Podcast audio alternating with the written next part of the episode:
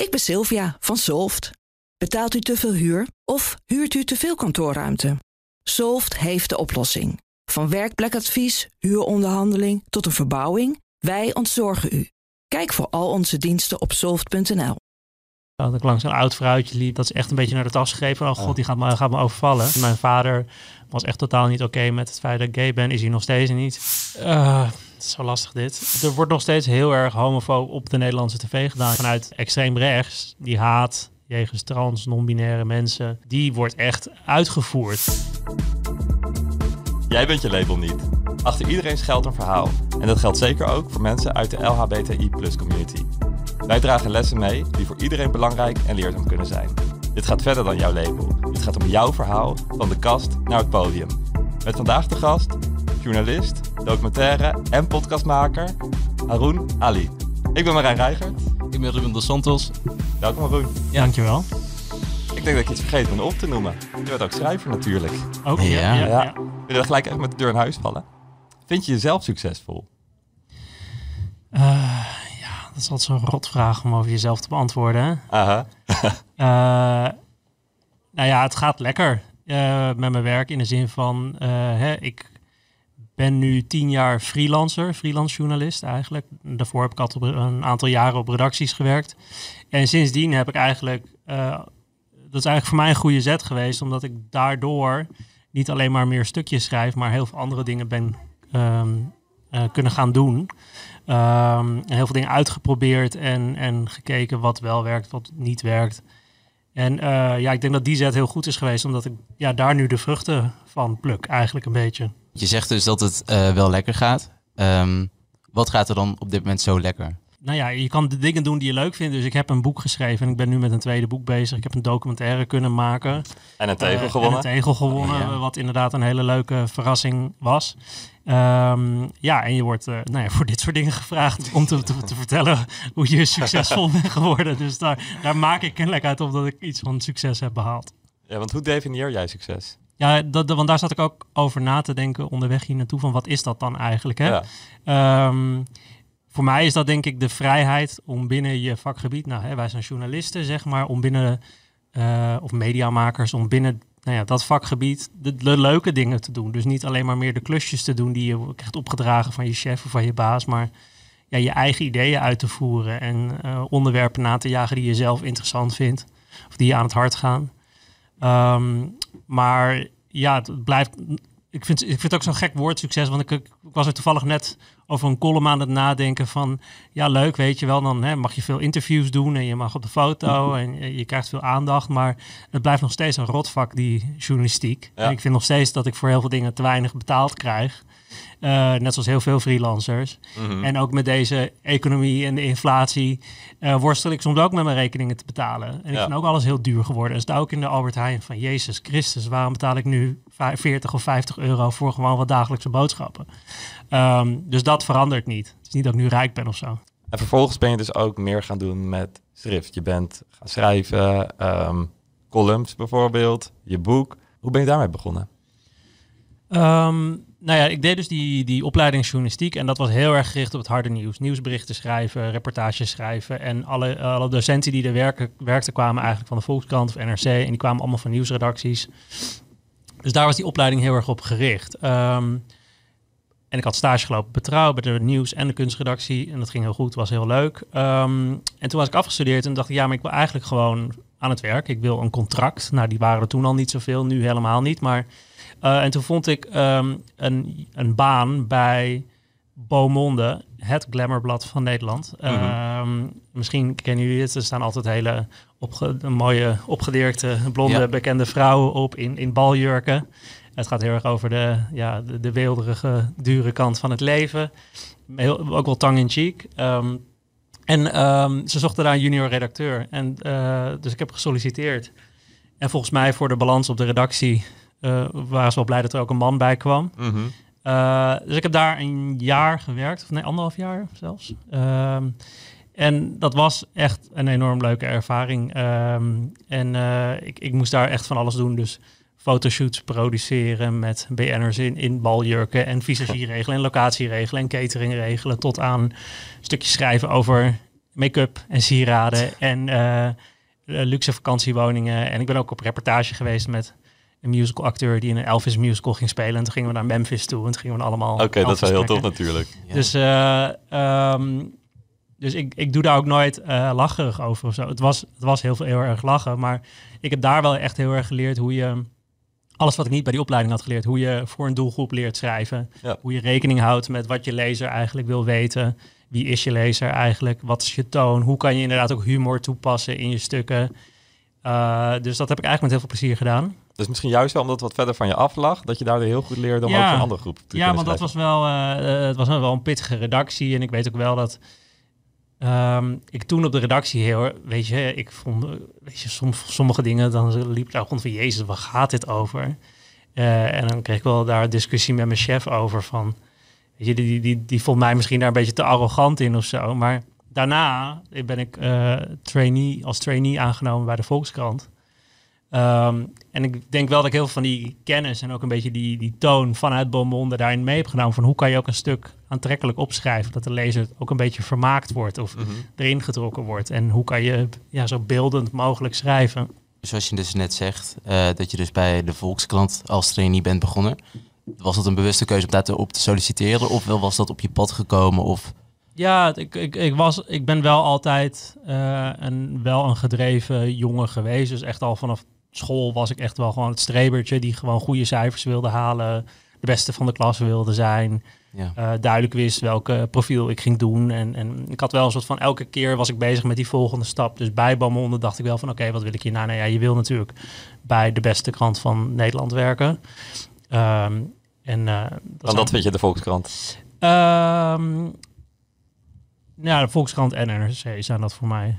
Um, maar het is ook, elke krant heeft, weet je, ik vind bijvoorbeeld de zaterdag bijlage van Parool weer heel goed. Uh, en trouw is bijvoorbeeld weer heel goed in uh, religie, filosofie, zingeving. Dus ik zie bij elke krant wel de meerwaarde in. Alleen ja, de Volkskrant wilde, wilde daar kwam die traineeship vrij. En er waren volgens mij zes plekken voor en heel veel sollicitanten. En ik denk wel dat, nou ja, ook denk ik door mijn achtergrond. Hè, ik heet Haroun Ali, ik zie er zo uit, ik ben gay.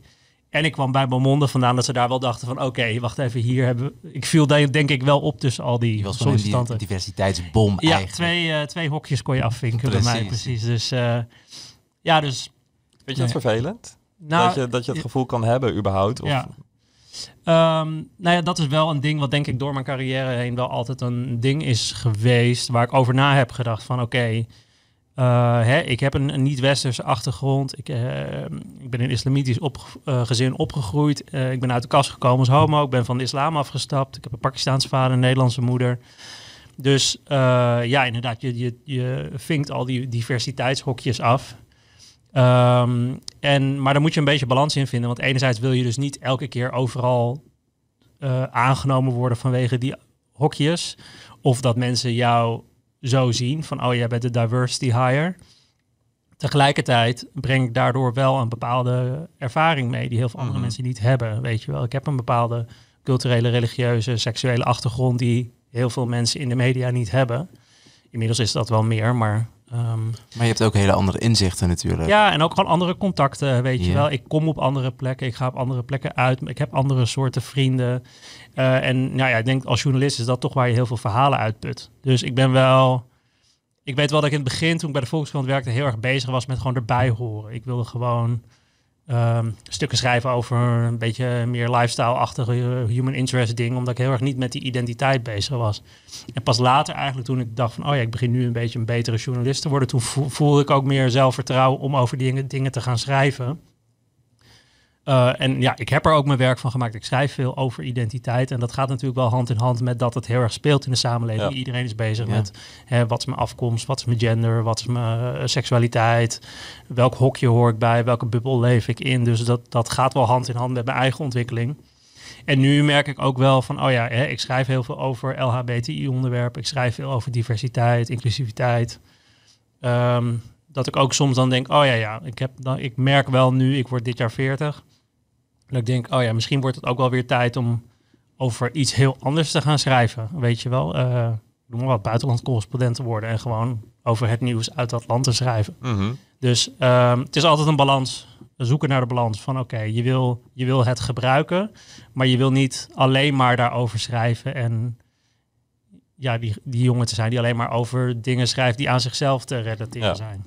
Dus in principe, eh, je bent nu uitgeschreven over de diversiteit eigenlijk en LHBTI-onderwerpen. Dat zeg ik nog niet, maar ik Oh, zit een beetje over niet. na te denken van, oh ja, wat, wat is, omdat ik dus wel altijd nadenk van, wat is dan die volgende stap? Daar zit ik wel over na te denken van, wat zou dan die volgende stap moeten zijn? Ik ben nu dus een boek aan het schrijven over eigenlijk wat ik de afgelopen 10, 15 jaar in de LHBTI-gemeenschap heb gezien.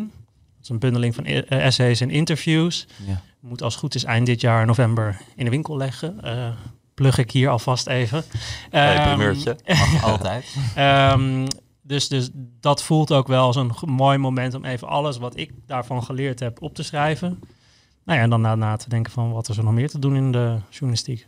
En ik hoor jou ook heel veel zeggen, bijvoorbeeld met je traineeship, eh, die je hebt aangepakt. Ehm, mijn vraag is eigenlijk, heb jij voor je gevoel juist alle kansen op je pad gegrepen? Of ben je selectief geweest? Of zie je jezelf misschien meer als iemand die zijn eigen kans heeft gecreëerd? Nee, toch wel beide. Ehm, ik denk echt wel dat ik op bepaalde momenten echt wel goede kansen heb gehad. Ehm, nou ja, zo via stages en sollicitaties en banen toch wel steeds ja, eh, hoofdredacteuren, chefs, werkgevers gehad die gewoon mij hebben gestimuleerd om, om meer uit mezelf te halen of om een betere journalist te worden. Dus ehm, die mensen op bepaalde key moments in mijn carrière ben ik altijd dankbaar. En tegelijkertijd denk ik wel dat het in mij zit om ja, die drive te hebben. Ik ben altijd een heel ambitieus persoon geweest. Ik leef voor mijn werk. Eh, ehm, eh, ik, ik hou heel erg van mijn werk. Eh, en ook daar moet ik soms een beetje naar balans zoeken. Maar dat zit zeker ook wel in mezelf, denk ik. Oké. Eh, want om even terug te komen op de diversiteitsonderwerp. wat vind je daar nou eigenlijk van? Over de diversity hire, zoals je het net al noemde. Ja, nou ja, het is heel dubbel. Ehm, want je merkt gewoon dat heel veel organisaties, en de media is daar zeker ook een van, nog steeds hartstikke wit, hetero, cisgendered zijn. Ja, Eh, hier net zo. Ja, precies. Ik denk dat dat hier ook wel het geval is. Dus, ehm, en ik denk helemaal als journalisten, je wil de verhalen uit de samenleving weergeven. Dus dan zul je toch een redactie moeten hebben die die samenleving weerspiegelt. Want anders inderdaad vind je die verhalen niet, of vind je die contacten niet, of vind je die bronnen niet. Dus daar moet je heel actief je best doen om die mensen te vinden. Maar dat is gewoon, nou ja, eh, toch wel lastig. Je, het is toch wel een bekend probleem dat veel mensen met een beetje niet-westerse migratieachtergrond niet per se geïnteresseerd zijn om in de journalistiek te werken. Ik kreeg ook vanuit huis mee, word advocaat of word dokter, want dan verdien je veel geld mee. Ehm, ja, dus je moet echt harder zoeken naar, naar mensen. En inderdaad, welke criteria hanteer je dan? Ehm, ja, en tegelijkertijd, ja, inderdaad, je wil dus als, als persoon van kleur of persoon met een ander soort achtergrond, wil je niet het gevoel hebben dat je die diversity hire bent. Dus je wil ook, als je dan eenmaal binnen bent, wil je wel op gewoon dezelfde kwaliteiten worden beoordeeld als de rest. En dat kan soms wel wat frictie veroorzaken. Ja. Van wat kan, gebeurt dat? Weet je wel, als jij de enige eh, persoon van kleur bent op een hele, in een hele witte omgeving, ja, is het dan helemaal gelijk? Kijkt iedereen dan op dezelfde manier naar elkaar? Of, en, en, en wat vindt de rest er dan van? Weet je, wel? dat kan ook weer soms wat frictie veroorzaken. Dus ik denk dat we gewoon in een hele lastige, ingewikkelde tijd zitten op dat vlak. Ik vind het wel goed dat er heel hard aan wordt gewerkt. En ik denk ook dat het zich uitbetaalt in gewoon ja, andere verhalen, andere stemmen, gevoeligheden binnen, binnen de verhalen die je als journalist maakt en vertelt. Dat je nou ja, beter nadenkt over bepaalde terminologie of hoe je. ehm, Maar als, als we puur gaan kijken naar diversiteit, vind je, vind je dan ook niet als je een diversity hire bent, ehm, dat je daar ook echt je kracht uit kan halen? Nou ja, kijk, eh, het is zo lastig dit. Ehm, kijk, ik maakte net het, het, het grapje met het woord diversity hire, maar dat is natuurlijk niet hoe het moet zijn. Iemand Nee. moet niet aangenomen worden als Tuurlijk. diversity hire en degene die er dan werkt moet niet de diversity hire zijn of dat gevoel hebben. Mhm. Eh, tuurlijk, je wordt aangenomen op een, allerlei eh, factoren, waarvan misschien je achtergrond er één is. Kijk, ik ben me altijd bewust geweest van nou ja, het feit dat ik een andere achtergrond heb. Ook van, zeker van het feit dat ik gay ben. En ik heb dat altijd gewoon benut. Ik denk van, oh ja, ik kom daardoor met verhalen waar anderen niet mee komen. Ik heb bepaalde contacten die anderen niet hebben. Ehm, dus, dus dat werkt denk ik in mijn voordeel. Dat vind ik ook helemaal niet erg. Weet je wel, jij, in dit werk, in de journalistiek, moet je ook opvallen. Weet je wel, je, je moet ook, het is een heel competitieve wereld. Er zijn heel veel mensen die eh, journalist willen worden of op een redactie willen werken. Ja, dus je moet gewoon met goede ideeën komen. Dus ja, als jij andere ideeën hebt dan de rest, is het toch alleen maar mooi meegenomen. Maar ik hoorde je net ook zeggen over de andere ideeën. Ehm, dat bijvoorbeeld juist als je buiten het plaatje valt van witte hetero man van middelbare leeftijd, dat je met andere ideeën komt. Ehm, denk je dat die stereotype man die ideeën gewoon oprecht niet ziet? Of denk je dat ze gewoon niet voldoende mee bezig zijn en misschien daar een beetje wegkijken voor zulke verhalen? Ehm,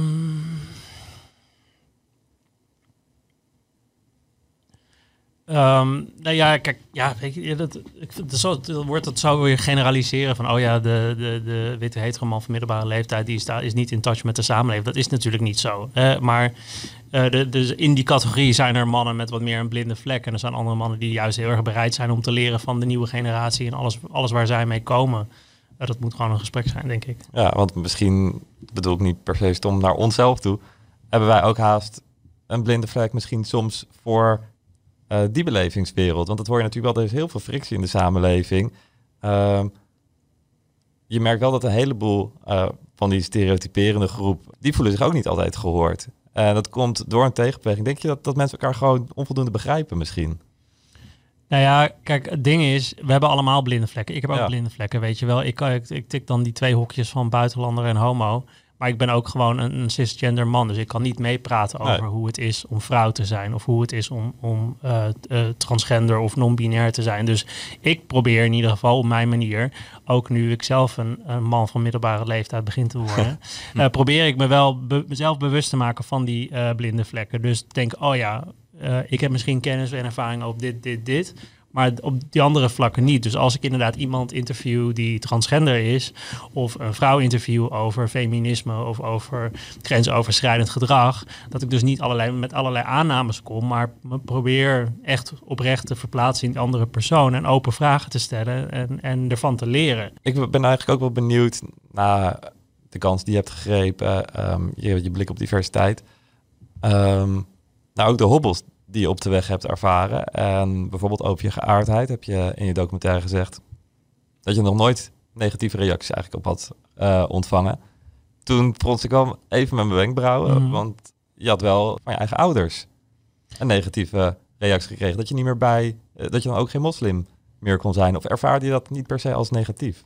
Ja, oh zo, ja. Nou ja, wat, wat in mijn familie gebeurt en wat er verder in, me, in de buitenwereld gebeurt, dat scheid ik altijd een beetje van elkaar. Ja. Dus nee, ik kom zeker uit een moeilijk gezin. Mijn vader was echt totaal niet oké okay met het feit dat ik gay ben, is hij nog steeds niet.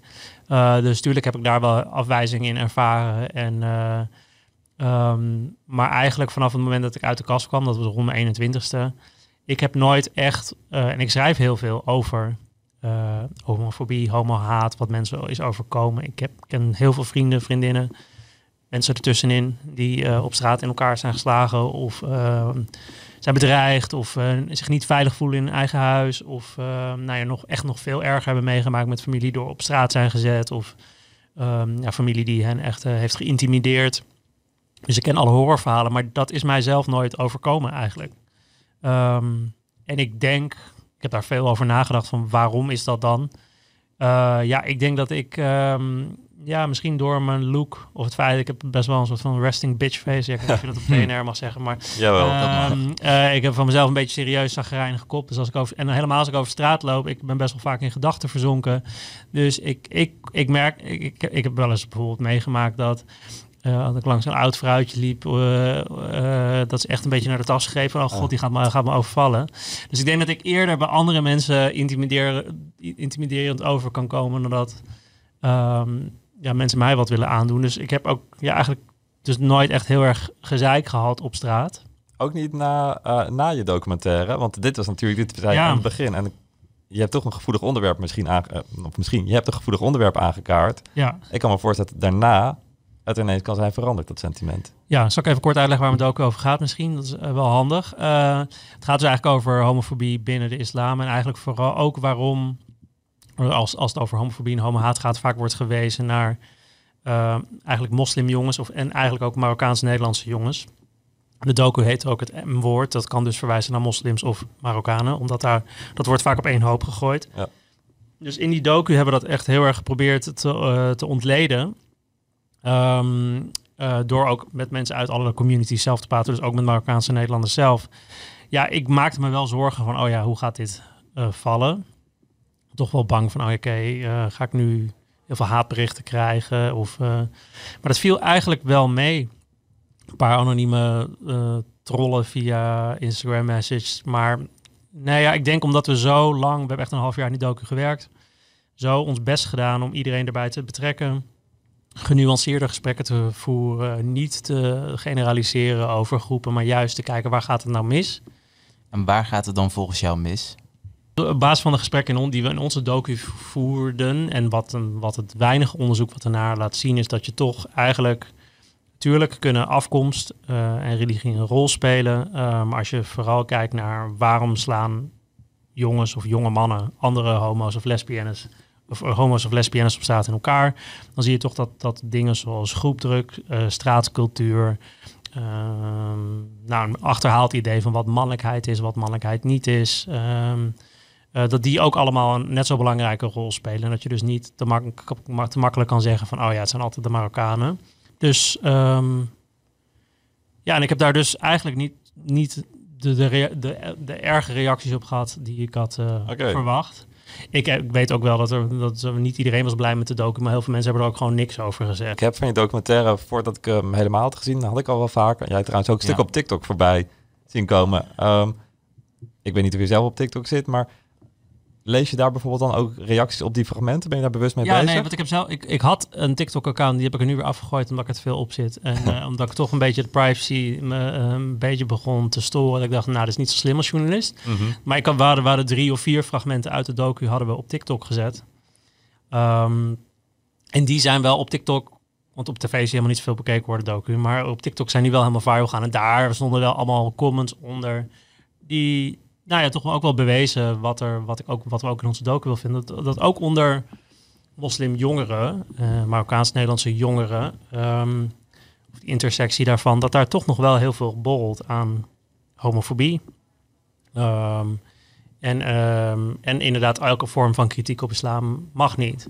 Kijk, en ik snap dat ook wel, en dat zeggen, dat zeggen we ook wel in onze docu, van kijk, als jij als, eh, als islamitische jongere opgroeit in Nederland en ook nog een Marokkaanse achtergrond hebt bijvoorbeeld, dan word je ook op jouw manier heel erg gestigmatiseerd en gediscrimineerd. Eh, groei op met het idee dat een heel groot deel van, of nou, een deel van Nederland echt een hekel aan je heeft. eh, dat je wantrouwd wordt. Dus ik snap best dat je dan ook aan die identiteit, aan je moslim zijn of aan je Marokkaan zijn vastklampt. En dat, dat, dat, dat die identiteit heel kwetsbaar is. En dat ja, misschien homoseksualiteit daar haaks op staat. En dat je je daar misschien over uitspreekt. Dus ja, het is allemaal zo ingewikkeld. Het is, ehm, wij geven ook niet het definitief antwoord Nee. met onze docu. Absoluut niet. Wij, wij hoopten een klein voorzetje te doen in de hoop dat we hier wat meer en genuanceerder over praten. Wat mij heel erg opviel was juist dat jij heel veel verschillende kanten belichtte. Dus bijvoorbeeld aan het einde was je bijvoorbeeld ook met een advocaat in, eh, in gesprek. Ja, En eh, daar zei hij dus van, het is niet zozeer dat het gaat om dat jij gay bent, maar dat een homo zich vrouwelijk gedraagt en een man hoort zich niet vrouwelijk te gedragen. Dus daar krijgen zij dus een bepaalde trigger van, dat, Mhm. dat je je moet vermannen en dat je je niet zo mag gedragen. ja. Eh, ben je het dan daarmee eens met zo'n uitspraak? Want persoonlijk, hoe ik het, ik, ik kan me dat niet voorstellen dat dat een trigger voor iemand kan zijn om iemand te gaan slaan. Dat dat, Nou, ik denk het wel, want je ziet, dat, je, je ziet het, en even, om het ook even weg te trekken van Marokkaanse jongens of moslimjongens. zeker. Je ziet het in de hele samenleving nu. Er is zo'n backlash op dit moment naar ehm, mensen die transgender zijn, mensen die non-binair zijn, naar drag queens. Alles wat zeg maar, hè, en dat zie je toch met, met eigenlijk eh, de opmars van Forum en dat hele eh, neoconservatieve gedachtegoed van zowel vanuit Oost-Europa als uit Amerika, wat weer hier naartoe overwaait. Dat mensen weer vastklampen aan een soort van hele traditionele eh, rolpatronen tussen mannen en vrouwen. En en, en al, die, al die doorgeslagen fitboys die gewoon een soort van, eh, nou ja, allemaal hè, Andrew Tate willen zijn. Dat is een soort van ja, gorilla-versie van mannelijkheid. eh, waar, waar ik van hoopte dat we er vanaf zouden zijn. Die nu weer een soort van comeback maakt. Dus je ziet dat heel veel jonge jongens dat daar zich aan vastklampen van je moet dus helemaal super gespierd en, en heel bot en lomp zijn en je moet vrouwen haten en je moet gays haten en iedereen die afwijkt van de norm moet je haten en jij moet op de apenrots op je borst staan kloppen en, eh, en jij bent de man, weet je wel. Ja, dat is iets wat heel erg onder de jongere cultuur heel erg speelt. Ehm, wat ik ook met veel interesse en ook wel afschuw volg. Want ik dacht van, hé, waar, waar, hoe komen we hier nou weer terecht? Na alle verworvenheden. Hè? Niet alleen voor LHBTI'ers, maar ook voor vrouwen. Voor, uh, religieuze vrijheid. Hè? Dus nee, zo zie je wel dat dat weer in golven gaat allemaal. Ja, want um, ik zie vooral heel veel in Amerika dat er echt wetten komen die echt bizar zijn. Ja. Een paar stappen, nou, een paar enorme stappen terug in de tijd. Um, maakt het jou persoonlijk ook bang? De angst dat het echt te veel gaat overslaan naar Nederland eventueel? Of zou je eerder minder snel naar bepaalde landen afreizen? Of maakt het je bang? Uh, wel een beetje. Uh, dat is wel het antwoord. Uh, want uh, kijk, die wetgevings in Amerika zal, zal, niet één op één hier worden overgenomen. Maar je zag bijvoorbeeld wel met de Nashville-verklaring, die is in Nederland ook gretig ondertekend. En heeft hier toen ook het nieuws gedomineerd. En kijk, wij hebben nu al sinds mensenheugenis ongeveer de VVD aan de macht. Maar ik bedoel, kijk, ik zie niet heel snel uh, PVV of Forum de, de grootste worden. Nee. Um, maar goed, BBB was bijna de grootste. En die zijn gelukkig wat milder als het gaat om LHBTI-kwesties. maar um, het blijft, ja, dat is dus wel iets wat, wat je toch wel heel erg in de gaten moet houden. Van wat, wat, wat is het politieke systeem? Wat is, wat is de coalitie? En wie bepaalt welke wetten er doorgevoerd worden? Uh, maar zolang daar nog geen meerderheid voor is. En ik denk dat dat niet heel snel gaat gebeuren in Nederland. Maak ik me daar niet zorgen over. Maar waar ik me dus wel zorgen over maak, is hoe dat dus gewoon in de samenleving borrelt. Dus inderdaad, hoe mensen weer vaker in elkaar worden geslagen. Hoe die haat tegen LHBTI'ers online is toegenomen. Dus ik zit wel vooral te kijken van hoe praat de gewone mens erover. Dus ook niet alleen wat zie je op, op, op, op internet, maar ook wat zie je gewoon onder in gesprekken tussen vrienden over. Nou, bijvoorbeeld hè, genderdiversiteit. Dat is, ik zie ook onder gays soms dat daar soms best een beetje lacherig over wordt gedaan. Mhm. Dus ik zit dan wel heel erg te luisteren van, oh, wat is een beetje de, de toon nu? En is die aan het veranderen? En daar ben ik wel alert op. Van, Ja. want, want ik zou het wel heel erg vinden als ik, als gay man, met, een- met een eh, lange relatie en een hond, maar dat je, dat je ineens onder je eigen vrienden weer een beetje een lachertje wordt, omdat je gay bent, weet je wel. Dus daar ben ik dan wel alert op. Gaan we op die manier weer terug, weet je wel. Dat Ja. je weer een soort van freak wordt. Die zorg is niet zozeer van welke wet waait er over, welke, of, of welke, welke ehm, wetten worden teruggedraaid. Ik denk dat je vooral heel erg moet kijken hoe mensen er in de samenleving over praten en dat in de gaten moet houden. Want dat vind ik soms wel... Ja, ja weet je, zo'n drag voorleesuurtje, dat daar echt mensen bij- Ja, gaan joh. demonstreren, terwijl de ouders met jonge kinderen naartoe gaan. En het was er al jaren. Het was al, ja, ja, maar, maar dus dat soort, dat soort demonstraties, tegendemonstraties. En dan zijn er ook nog hè, weer kinderen in het spel, net zoals de hele Zwarte Piet discussie. Dat is wel allemaal zo aan het verharden en ook wel mm, ja, met geweld. Dat vind ik wel eng. Komt het ook door wat je ook in je documentaire zei, dat juist, of volgens mij zei je oude muziekleraar dat, ehm, dat binnen echt islamitische jongeren, die zullen niet zo heel snel ook zich negatief uiten. Misschien dat ze inderdaad online dingen zeggen, maar echt iemand in elkaar staan gebeurt juist vanuit de islamitische waarden dan minder snel. Is het dat, eh, speelt dat mee in je rol waar Ja. je daar minder bang voor bent? Nou, ehm, ja, ik, ik, ik wil ook niet voor de moslimgemeenschap in Nederland spreken. Ook omdat ik zelf niet meer moslim Mhm. ben. Dus, dus da- daar kan ik moeilijk over oordelen. Ik denk wel dat heel veel mensen in hun religieuze beleving denken gewoon van... nou ja, keep to myself. Dit zijn mijn ideeën. En Ja. daardoor zoek ik misschien niet bewust contact op met al bepaalde soorten groepen. Maar die laat ik gewoon. Terwijl vanuit extreem rechts, die haat jegens trans, non-binaire mensen die wordt echt uitgevoerd. Hè, met echt heftige demonstraties, met het eh, bedreigen van mensen. Dus dat is een veel eh, duidelijker eh, reactie. Ze zijn er ook actiever mee bezig, volgens mij. Ja. En ik snap, ook- ja, ik snap nooit waarom. Ik denk, laat die mensen toch gewoon met rust. Mhm. Ik heb meer het gevoel dat het meer overkomt wij vanuit Amerika en dat andere landen daar dan een voorbeeld aan nemen. Bijvoorbeeld die protest, pro- protesten in Amerika tegen drag queens die iets voorlezen, dat dat ook in Nederland bijvoorbeeld gebeurt. Dat is gek eigenlijk. Dat is niet iets Nederlands. Nee, maar je ziet gewoon dat de Forum kopieert letterlijk van alles vanuit eh, eh, ja, hardcore Republican, e- Ja. evangelical Amerika en alle, alle gekte die daar, dat nemen, nemen zij één op één over. Ehm, dus dus, dus dat, dat zie je gewoon. Ehm, terwijl de PVV bijvoorbeeld weer dingen, eh, die, die schurkt wat meer tegen Orbán en zo aan. Ehm, maar ik denk dat het ook heel erg gewoon van al dat, dat van alle tijden is dat je een soort van zoektocht hebt naar zondebokken. In tijden van economische onzekerheid, andere vormen van onzekerheid, hè, wantrouwen in de politiek. Gewoon, het is best wel een gekke tijd nu sowieso in de samenleving, waarin je eigenlijk eh, iedereen heel erg twijfelt aan zijn zekerheden, angstig is, bang is eh, om, om je baan te verliezen, geld te verliezen. eh, klimaat staat onder druk, Nederland staat onder druk. Oh mijn god, al die vluchtelingen, weet je wel. Dus, en dan eh, kan ik me vanuit dat opborrelende gevoel in je onderbuik denken dat je, oh ja, weet je, je zoekt naar iemand die de oorzaak is of een zondebok is. En dan zie je historisch gezien dat LHBTI'ers altijd een van, van de groepen waren die daar de schuld van dingen krijgt. Zij, zij, eh, zij zagen de, de stoelpoten onder de samenleving vandaan met hun eh, gekke pruiken en hun gekke jurken en hun eh, rare gedrag. Weet je, dat, dat, dat gaat in golven en nu zitten we kennelijk weer in zo'n golf waarin dat moet gebeuren. Dus je zei net dat je dus op je 21ste pas uit de kast was gekomen. En dat je, dat je eigenlijk daar niks van hebt gemerkt vanuit thuis. Dat, dat je uit huis werd gezet of wat dan ook. Om, maar was dat dus een bewuste keuze? Dat je het pas vertelde dat je gay was op het moment dat je uit huis eh, was? Ja, zeker. Dat heb ik echt gepland. Dus eh, ik weet al sinds mijn elfde dat ik op jongens viel. En eh, eh, ja, eh, dat, dat weet ik nog heel goed.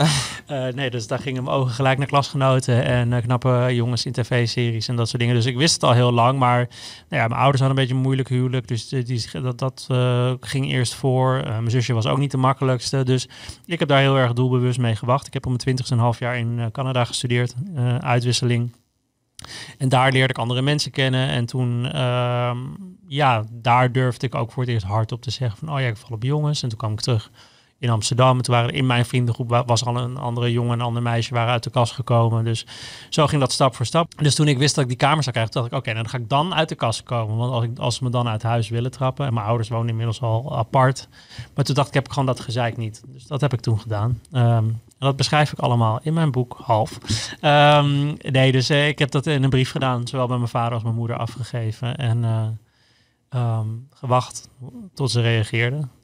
Ehm, En wanneer kwam die reactie? mijn moeder reageerde gelijk met een appje van ik hou van je. En die moest ook wel even wennen. Want mijn moeder is Nederlands, maar bekeerd tot de islam. Maar die is daar wel veel relaxter in eigenlijk. En mijn vader belde pas een paar weken later. En die, ja, die vond het allemaal veel moeilijker. En die is dat altijd moeilijk blijven vinden. Dat heeft wel ons contact verslechterd. En het was al niet zo goed. Maar dat heb ik nu geaccepteerd. Ja. Ehm, ja, maar ik heb daar dus wel echt mee gewacht. En dat zeg ik ook altijd wel tegen, als ik nu kwetsbare jongeren spreek, die bijvoorbeeld ook in een gezin wonen waarin, ze, waarin dat niet wordt geaccepteerd. Een, weet je, zorg dat je een safety net hebt. Zorg dat je, ehm, nou ja, hè, als je dus nog thuis woont, zorg dat je vrienden hebt. Eh, of je partner of whatever, je vriendje, vriendinnetje, waar je langere tijd terecht kunt, zodat je niet op straat komt te staan. Eh, zorg dat je gewoon vrienden hebt die je steunen. Eh, ja, zorg dat je op een bepaalde mate van financiële onafhankelijkheid hebt. Dat je niet. Want dat is vaak waar het misgaat. Hè? Dan, eh, wordt, dan Ja. er komt iets uit. eh, en dan uit angst eh, ga je weg of je wordt uit huis gezet en je hebt niks. Nee. En dan kan het gewoon echt snel verkeerd met je aflopen. Ik vroeg me dus heel erg af. Je, je zei dat je uit een moeilijk gezin komt. Gelovig gezin ook. Ehm, en ik weet niet of het een, tegenreactie misschien is. Maar ik, juist iets waarom ik, ik jou succesvol vind. Is omdat je echt ongeveer ultieme vrijheid in wat je maakt. In wat je zegt en wat je schrijft. ehm, naar voren laat komen. Je schuwt volgens mij geen enkel onderwerp. Eh, al heb ik je laatst in je podcast opgewonden met eh Jora zeggen over kings en fetishes. Da- daar hoef je niet veel over uit te laten. Maar, maar verder praat je over alles. En schrijf je eigenlijk over alles. Is, Ja. is juist het ervaren van die vrijheid een soort tegenreactie? Ja, zo begon het misschien wel. Weet je wel, als je dan hè, tien jaar eigenlijk op je handen zit van nou, ik wacht nog even met het uiten van mijn seksualiteit. En als je dan daarna nou ja, uit zo'n gezin stapt, van een geloof stapt, toen was wel toen heel erg het gevoel van oké, nu heb ik echt scheid aan alles en ik ga alles, alles doen waar ik zin in heb. Overal open over zijn. En dat zijpelde ook wel door in mijn journalistieke werk. Nu ben ik daar wel wat iets. eh, dat, dat, ook dat is zoeken naar balans. Weet je wel, ik hoef niet over alles te vertellen. En mensen hebben het idee dat ik altijd heel open en eerlijk over mijn leven. Ben ik ook wel, maar ik kies ook heel duidelijk waar ik het niet over wil Ja. hebben. En er is ook genoeg wat ik in mijn leven gebeurt. wat hartstikke leuk verhaal zou kunnen opleveren. Maar waarvan ik denk, nou nee, dat hou ik voor mezelf. Ehm, maar ik heb het ook altijd vroeger gedaan met het idee van, nou hopelijk vinden andere mensen daar herkenning in. En er zijn gewoon nog steeds best wel veel taboe onderwerpen waar mensen niet over durven te praten. En dan vind ik het juist leuk om daar wel iets journalistieks mee te doen. En ik- wat ik zei, ik zie de vrijheid eigenlijk als een van hun successen. Maar verder heb je natuurlijk de tegel gewonnen met eh, het M-woord. Je hebt de podcast met Joran, je schrijft. Ehm, hoe vier je je successen? Ja. ja, daar ben ik dus niet zo goed in. Vier is überhaupt. Nee, ja, ehm, nou ja, to- toen we de tegel wonnen, toen waren we met het hele team in de, in de Schouwburg in Den Haag. Dat was heel leuk. En toen hebben we ook echt met z'n allen keihard gejuicht en eh, een wijntje gedronken. Maar ehm, ik kan altijd dat soort dingen heel goed, niet zo goed tot me door laten dringen. Eh, ik ben ook niet, ik, ik geloof me, ik heb heus wel een ego en ik ben ook best wel ijdel. Maar ik kan heel moeilijk eh, direct complimentjes incasseren. Ik vind dat altijd, of mensen eh, toen mijn eerste boeken van, ik je boek gelezen. En ik, "Oh, weet je wel, eh, eh, wil ik eigenlijk helemaal niet weten wat ze ervan vinden. Eh, dus dat, dan word ik al, ja, ik, eh, ik vind het, he- het is heel leuk om te horen als, als mensen je werk goed vinden. Maar ik vind het dus ook moeilijk om dat dan ja, echt te laten doordringen. Ik had een column over jou gelezen. Mhm. Dat jij kritiek had geuit op Ali B. Omdat hij het woord flikker gebruikte Mhm. eh, tijdens The Voice bijvoorbeeld. Ja. En zijn reactie daarop was dat hij het op een liefdevolle manier in principe gebruikte. En niet op, per se op een denigrerende manier. Mhm. Ehm, wat vind je daarvan? Dat een hetero persoon zo'n woord op nationale tv gebruikt? Ja, kijk, aan Ali B wil ik, eh, denk ik, hoef ik niet zo heel veel woorden vuil te maken. Ehm, maar ehm, ja, kijk, dat, dat is iets wat, kijk, er wordt nog steeds heel erg homofoob op de Nederlandse tv gedaan. Je hebt allerlei eh, commentatoren, mensen in praatprogramma's, eh, die ja, homo's nog steeds als het mikpunt van spot zien. En, en dan zeggen, ja, maar ik ben niet homofoob. En dan ondertussen gebruiken ze een bepaalde taal die, waarvan je denkt, ja, dat is gewoon niet nodig meer. Ja, Ehm, weet je, het, het is een vrij land, eh, vrijheid Ja. van meningsuiting. Iedereen moet dat kunnen zeggen. Alleen het ding is wel, ja, daar kan je wel een weerwoord verwachten. Ja. En eh, ik ben wel altijd een, eh, een militante homo geweest die dan gewoon een weerwoord geeft. En ik denk ook dat we dat moeten doen. Ja, iedereen mag zeggen wat hij Ja. wil. Je mag hele stomme dingen op tv zeggen over LHBTI'ers. Maar ja, dan moet je wel verwachten dat, dat de community daar ehm, eh, ja, tegenin gaat. Ja, dan heb ik eigenlijk daar nog een vraag over. Mhm.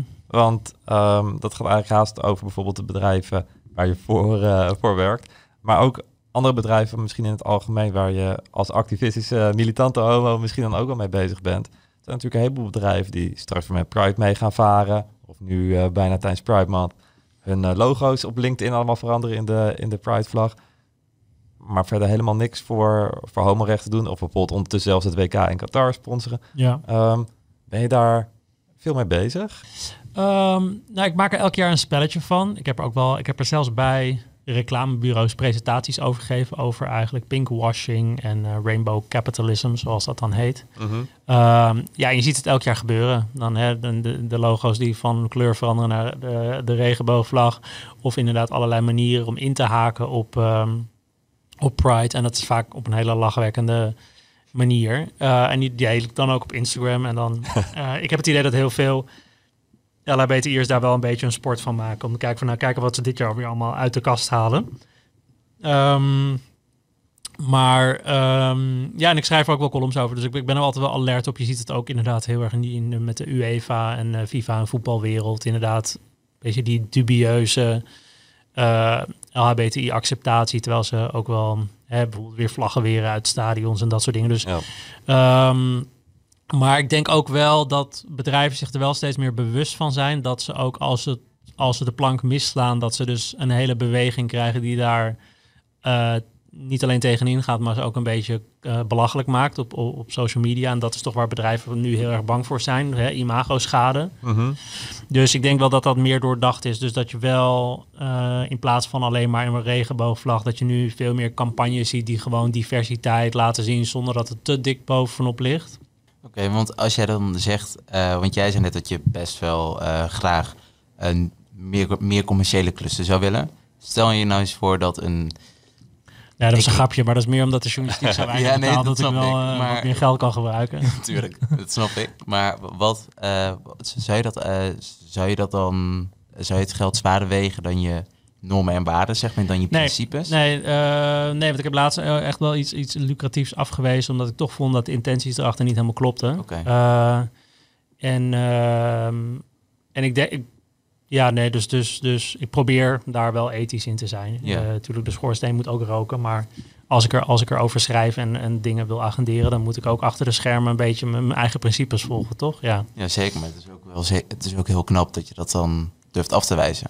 Voor- Vooral nu Ja, in ja. deze tijd. Ja, maar ja, het is, het is, eh, we moeten dat met z'n allen wel een beetje blijven vragen van bedrijven, want anders eh, verandert er niks, denk ik. En, ik denk, en, eh, tegelijkertijd gebeurt er wel in, eigenlijk in de corporate wereld qua vooruitgang en inderdaad sfeer op de werkvloer, inderdaad, en wat straal je als bedrijf uit, gaat het, is dat, zie je eigenlijk veel meer vooruitgang soms dan bijvoorbeeld in de politiek of zo. Ja. Dus, dus, dus, dus er gebeurt ook wel heel veel goed, dat wil ik ook wel benadrukken. Zeker, ja.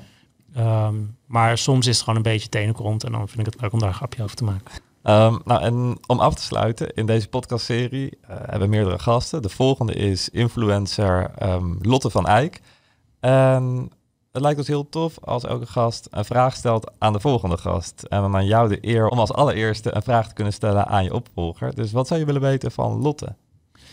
Nou Ja, Lotte zet zich heel erg in voor body positivity en, en, en, en, praat daar veel over. En heeft een hele grote online following. Volgens mij echt wel enorm. Dus ik ben eigenlijk wel benieuwd hoe zij zelf dan omgaat met bijvoorbeeld eh fatshaming of mensen die opmerkingen maken over haar uiterlijk. Ik kan me voorstellen dat, dat ze veel dingen in de DM's krijgt, of dat mensen soms ja, vervelende reacties hebben. Hoe ze daar op een persoonlijke manier zelf mee omgaat. Hoe kun je dat ja, daarvoor afsluiten? Kun je daarvoor afsluiten? Of heeft ze soms ook wel eens een rotdag dat ze denkt, Jezus, eh, zie mij gewoon als Lotte.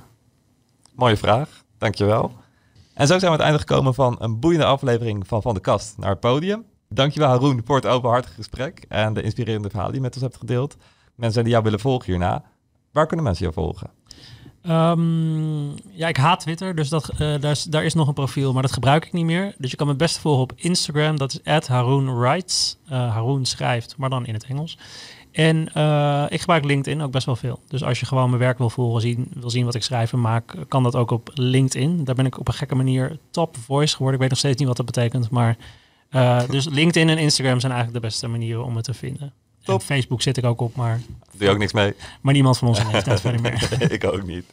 Ehm, naast Haroon, volg ons ook zeker op onze socials. Eh, jullie kunnen ons volgen op TikTok en Instagram. van de kast naar het podium. En vergeet ons niet te volgen op Spotify en het belletje aan te zetten zodat je notificaties krijgt wanneer we een nieuwe eh, aflevering hebben. En dan zien jullie ons volgende week met een nieuwe aflevering. Ciao! Doei. Like, follow en subscribe. Ja. Dankjewel. Graag gedaan.